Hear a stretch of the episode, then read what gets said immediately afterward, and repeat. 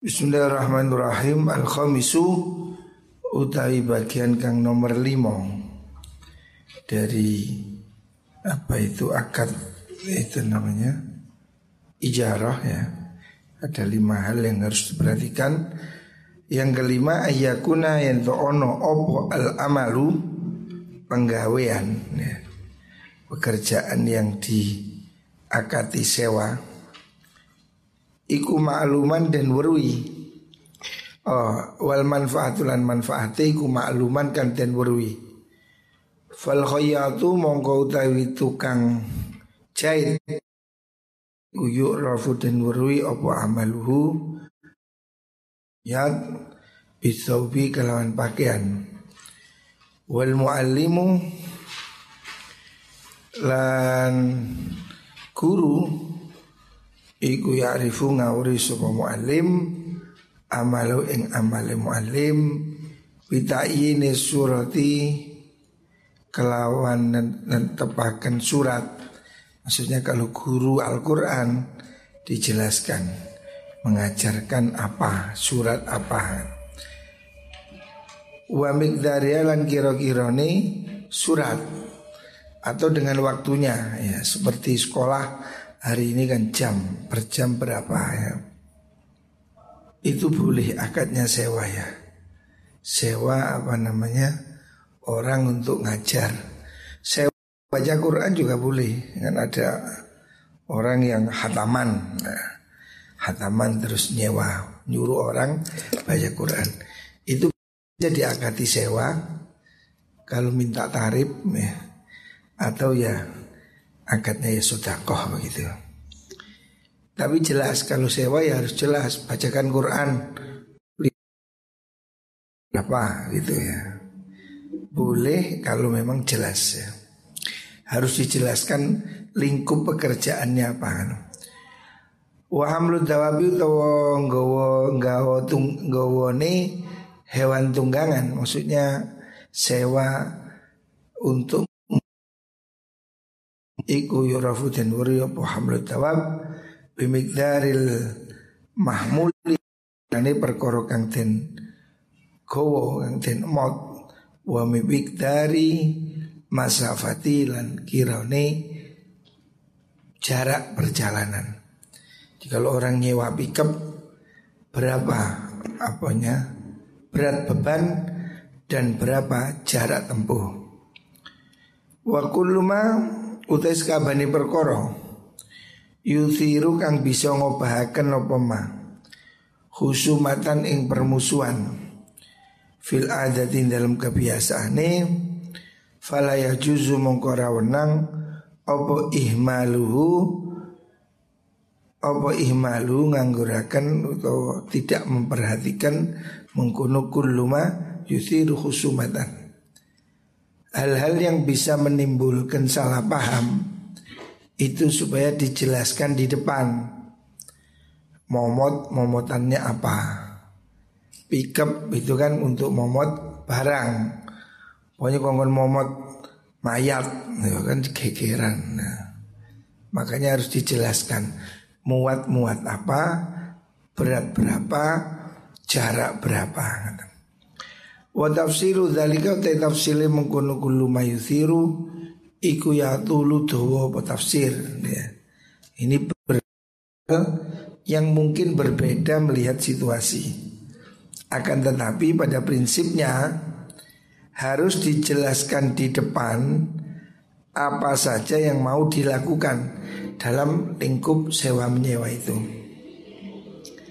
Wa inna ma dzakarna angin bestini nuturaken ingsun hadal qadra ing kira kira-kira liyurafa supaya dan warwi bihi kelawan menggunung hadal qadar apa jaliyatul ahkami biro-biro hukum kang jelas. Wa tawat tati wa tafat nulan tadi ngerti dadi cerdas sapa wong bihi kan hadal qadru lima il iskali maring biro-biro panggonane muskil Fayas alu mongko bisa takon sapa wong. Fa innal istiqsa'a setune niti-niti perkara. Maksudnya meneliti masail iku sya'nul mufti tingkahi wong kang ahli fatwa. La sya'nul awami ora tingkahi wong awam jadi intinya Imam Ghazali mengingatkan dalam akad ijarah itu harus ada penjelasan di awal yang luang lingkup kerjanya, berapa upahnya, berapa waktunya ya. Harus ada penjelasan di depan. Dan pekerjaannya itu harus pekerjaan yang memang layak untuk mendapatkan gaji. Bukan hanya mejeng. Sekarang ini kan ada orang dibayar cuma mejeng. Seperti apa? SPG SPG nah. kan ketika kon orang cekak nah, SPG cantik mesam-mesem nah, itu nggak nggak nggak boleh dibayar. Jadi kalau yang namanya kerja ya harus ada kesulitannya. Benar mandi keles ke rumah-rumah nah itu boleh dapat gajian. Kos yang ditentukan sekarang itu sudah selesai. Al-Haqdul Khamisu akad kang kaping limo Iku al-qirodu akad kirot ya. Ini akad yang sering terjadi. Akad bagi hasil. Ya. Namanya bagi hasil ini ya Untung dibagi, rugi dibagi. Bagi hasil. Tapi kalau yang perbankan hari ini kan Bagi apa untung hasil tidak hasil banknya minta bunga. Tapi kalau kiro itu akad ya antara pemodal dan pekerja dengan konsekuensi ya berani untung berani rugi. Ya. Wal yurai beji ngrekso sapa wong fihi ing dalam kirat salah satu arkanin ing telu piro-piro rukun. Ya. Akad kirat itu bisa juga disebut dengan akad mudhorbah ya. Akad kirat Apabila satu orang memberikan uang modal kepada orang lain untuk dibuat dagang ya Kemudian ditentukan untungnya berapa lawan berapa 50 50 40 60 ya antara pemilik modal dengan orang yang bekerja ya. Lah itu boleh ya. Tetapi tidak boleh memberatkan sepihak. Seperti bank hari ini kan sepihak. Untung tidak untung banknya pasti untung. Rentenir-rentenir itu kan nggak mau peduli. Untung rugi pokoknya utang satu juta balik satu juta lima ratus. Nah, kalau begini tidak boleh. Ini namanya riba. Tapi kalau modal sejuta, eh, kamu kerja saya kasih modal. Untung dibagi, rugi dibagi. Kalau begini sah. Untung ya dibagi, rugi ya dibagi. Jadi pekerjaannya itu tanggung renteng. Aruknul awalu terukun kang kawitan iku sulmali pokok bondo. Maksudnya modal kerja. Wa syartu te syarati rasul mal iku ayakuna yen to ono. Apa rasul mal iku nakdan tunai emas uang tunai. Makluman kang den weruhi musallaman kang den pasrahaken ilal amili maring wong kang nyambut gawe ya. Jadi ini sisi pemodal dan sisi pekerja gitu. Fala yajuzu mongko wenang opal qiradu akad kirot akad bagi hasil alal fulusi ing atase pira-pira duit receh. Fulus itu pada zaman dulu fulus itu uang yang tidak begitu berlaku, uang uang kecil. Wala alal urudi kan orang ing atase bondo dagangan. Fa inna tijarata setuni tijarah perdagangan iku ku dadi rupak bihi kelawan mengkuno fulus itu. Jadi akadnya itu harus berupa uang tunai, modal 10 juta, 10 miliar ya. Akadnya harus jelas di depan ya. Orang yang menerima modal itu memang diberi uang. Kalau diberi juga berupa dagangan kan sulit, muternya sulit. Tapi kalau uang kan bisa macam-macam ya. Aksesnya uang lebih luas. Kalau zaman dulu fulus tidak boleh. Fulus itu duit receh, duit kecil yang nilainya berubah-ubah. Kalau naket itu duit emas dan perak, duit yang paling kuat itu zaman dulu namanya naket emas atau perak. Kalau hari ini ya uang cash, ya, uang tunai ya. Orang yang apa namanya akan join itu dengan uang. Walaupun ada madhab lain yang mengatakan boleh dengan barang ya. Umpamanya mayono atau apa ya. Tapi kalau menurut Imam Ghazali Madhab syafi'i itu harus dengan uang. Supaya totalannya gampang. Modal satu juta Modal lima juta ya gitu. Jelas ya Walaya juzulan orang menang opo akad kirot ala surrotin ing atas sisa kantong. Minat darohimi sanging piro-piro dirham. Tidak sah kalau cuma sak kantong. Isini piro pokoknya sak kantong. Tidak bisa. Minat darohimi sanging piro-piro dirham. Li anna qadra ribhi karena sudah kira-kira nibati ikula ya tabayyanu ya tabayyanu orang tadi pertelo fihi dalam mengguno mal jadi modalnya harus jelas berapa supaya nanti untungnya bisa dibukukan. Beli ini, beli ini, jual, beli, jual, beli kan bisa dilihat. Ya. Lian nafi kalau sudah mengkuno mengkuno surat minat darahim niku tadi ku torikit lah begitu bang. Hah? Walau syarroh Lamun nyara katakan sopal maliku wong kang duweni malikul yadi wong kang miliki kekuasaan ya. ala nafsihi ing ali nafsi maring awak dhewe ne malikul yad ya. li nafsihi lam yajuz mongko ora wenang apa mengkono-mengkono syarat niku ora wenang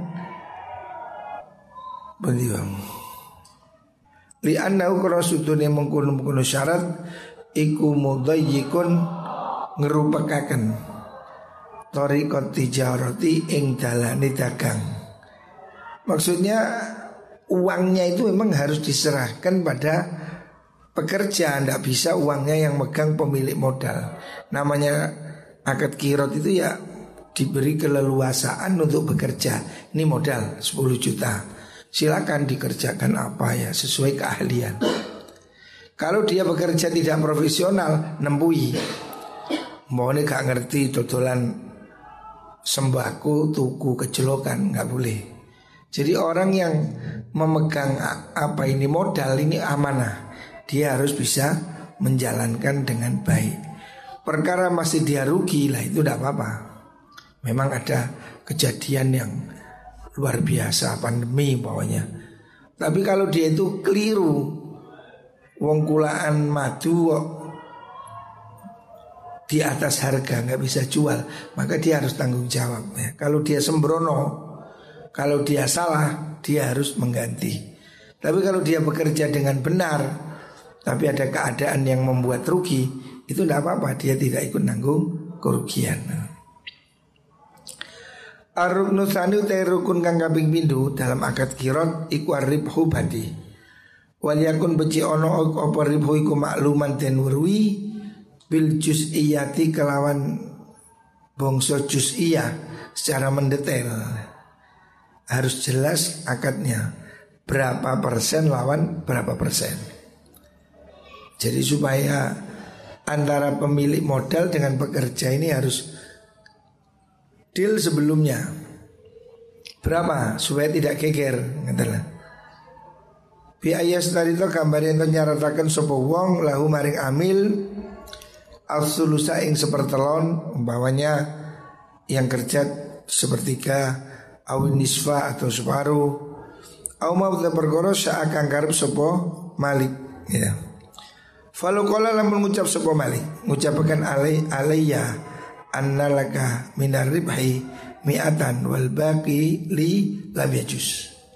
Kalau orang itu bilang di sini kamu kerja nanti kamu tak kasih sejuta sisanya untuk saya. Tidak boleh. Harus jelas kalau memang akadnya mudorobah. Kamu dapat 10 10 persen, 50 atau berapa gitu. Prosentase ya. Alaya iku tetep wajib ing atas ingsun analaka sudah iku kedui siro minari saking badi miatan utawi ono utawi satu miatun te satu wal bagi utawi kekarine kuli kedui ingsun lam yajus mongko ora wenang apa syarat. Kalau cuma kamu tak kasih sepuluh ribu Tidak sah Karena apa? Untungnya kan bisa lebih bisa turun Idrubama layakunu Kalau terkadang orang ono apa ribu badi Iku aksara luwi ake min miatin saking satu ya. Jadi tidak boleh dipatok jumlah nominalnya. Tapi yang dipatok presentasenya Ini akad ya saya eh, titip duit. Kamu kerja Kamu saya kasih 50% apa 30% Itu tergantung akad di depan. Dan tidak boleh ngambil sendiri. Ambilnya ini tidak boleh. Dia harus jujur. Berapa lawan berapa harus terbuka Fala ya juzu mongkara wenang apa takdiruhu ngirakaken ribahu bimikdarin kelawan kira-kira muayyanin kang tertentu.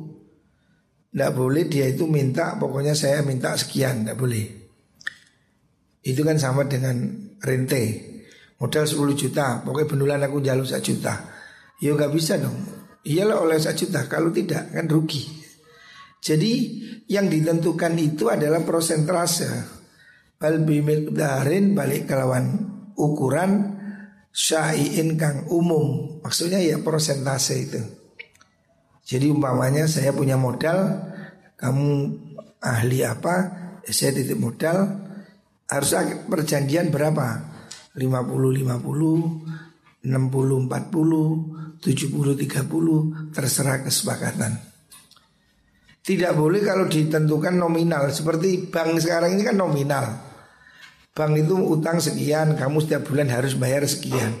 Nah ini tidak boleh Karena apa? Ya kalau dia dapat segitu Kalau nggak dapat kan rugi. Jadi bagi hasilnya itu harusnya prosentase. Oh pihak bank 50 Kamu 50 Oke. Apa 40 60 Tapi kalau minta pokoknya setiap bulan 3 persen. Pasti tidak boleh. Karena apa? Iya kalau dia dapat tiga, kalau dapat dua ya akan merugikan. Ya. Jadi yang boleh itu prosentase hasil. Untungnya 50-50 nah, itu boleh Artinya banyak ya 50-50 Sedikit juga 50-50 ya Ini maksudnya apa Ada keadilan Yang satu bekerja Yang satu siapkan modal kalau ini terjadi maka usaha ini jalan. Sekarang ini kan banyak orang tidak bisa kerja karena tidak punya modal. Sing nitip modal lewati ya golek bangkrut. Nah, akhirnya duitnya dititipkan bank. Oleh bank ya diutang no dikai bungakan bungakan. Berarti terus bang karena perjanjiannya lengkap. Uang biasa lek utang nang bank wedi karena disita. Tapi lek utang nang koncone gak nyaur nyaur. Oh iya akeh kelakuan wong rada bulet nih. Menungso ruwet nih ngene menungso ruwet nih. Utang nang konco sampai telung tahun gak nyaur. Coba utang nang bank. Kawani karena perjanjiannya lengkap, jaminan ya. Makanya kita ini ngutangi orang kadang repot. Sebabnya ya wong Jawa ya konco kadang nguniku. Diutangi malah nyelintung. Istilah utang kau nang bank Sampai bank wedi karena apa? Jaminan BPKB. Ya. Sebetulnya kalau sama-sama jujur, sama-sama untung kan enak. Ya contohnya kalau di desa itu kan rumah sapi, rumah wedus atau apa. Kalau sama jujur sebetulnya usaha itu berkah. Tapi rata-rata orang kan nggak jujur. Lek rugi lapor, lek badi menengahi. Ya ini Atau ini dicilik-cilik no Ya ini yang membuat kita ini tidak tidak fair Sebetulnya kalau Islam konsepnya itu kan tolong menolong Yang satu punya modal, bantu yang punya keahlian. Banyak orang punya keahlian, tidak punya modal. Ada yang punya modal tapi nggak mau kerja, akhirnya duitnya parkir di bank. Bank bisa menjual ya. Pihak bank bisa menjual. Dan bank tidak mau tahu kamu mau rugi kah? Apa ya? Bank pokoknya minta sekian. Walaupun bank syariah. Saya punya teman usahanya hutang bank syariah. Bangkrut dia tetap disita. Ampun-ampun gak iso sita. Bank kan memang nggak mau walaupun syariah tapi ya prakteknya ya tetap main sita. Karena mereka ini kan cuma ganti baju. Di sini Lah kita ini sebetulnya mengharapkan kalau bank yang konsisten dengan syariah yang asli sehingga itu tidak merugikan ya. Usaha bisa jalan dengan baik. Ya memang perlu kejujuran ya. Lah kejujuran ini yang sulit ya. Kita ini ke mana-mana sulit cari orang yang jujur. Padahal jujur itu modal sukses. Orang bisnis modal utama jujur. Kalau kamu dikenal jujur, orang bisa ngasih modal, ngasih dagangan. Tapi kalau kamu sudah nggak jujur, itu reputasi jelek. Kerja orang nggak mau ya, dan tidak berkah. Makanya belajar jujur supaya hidupnya berkah. Wallahualam.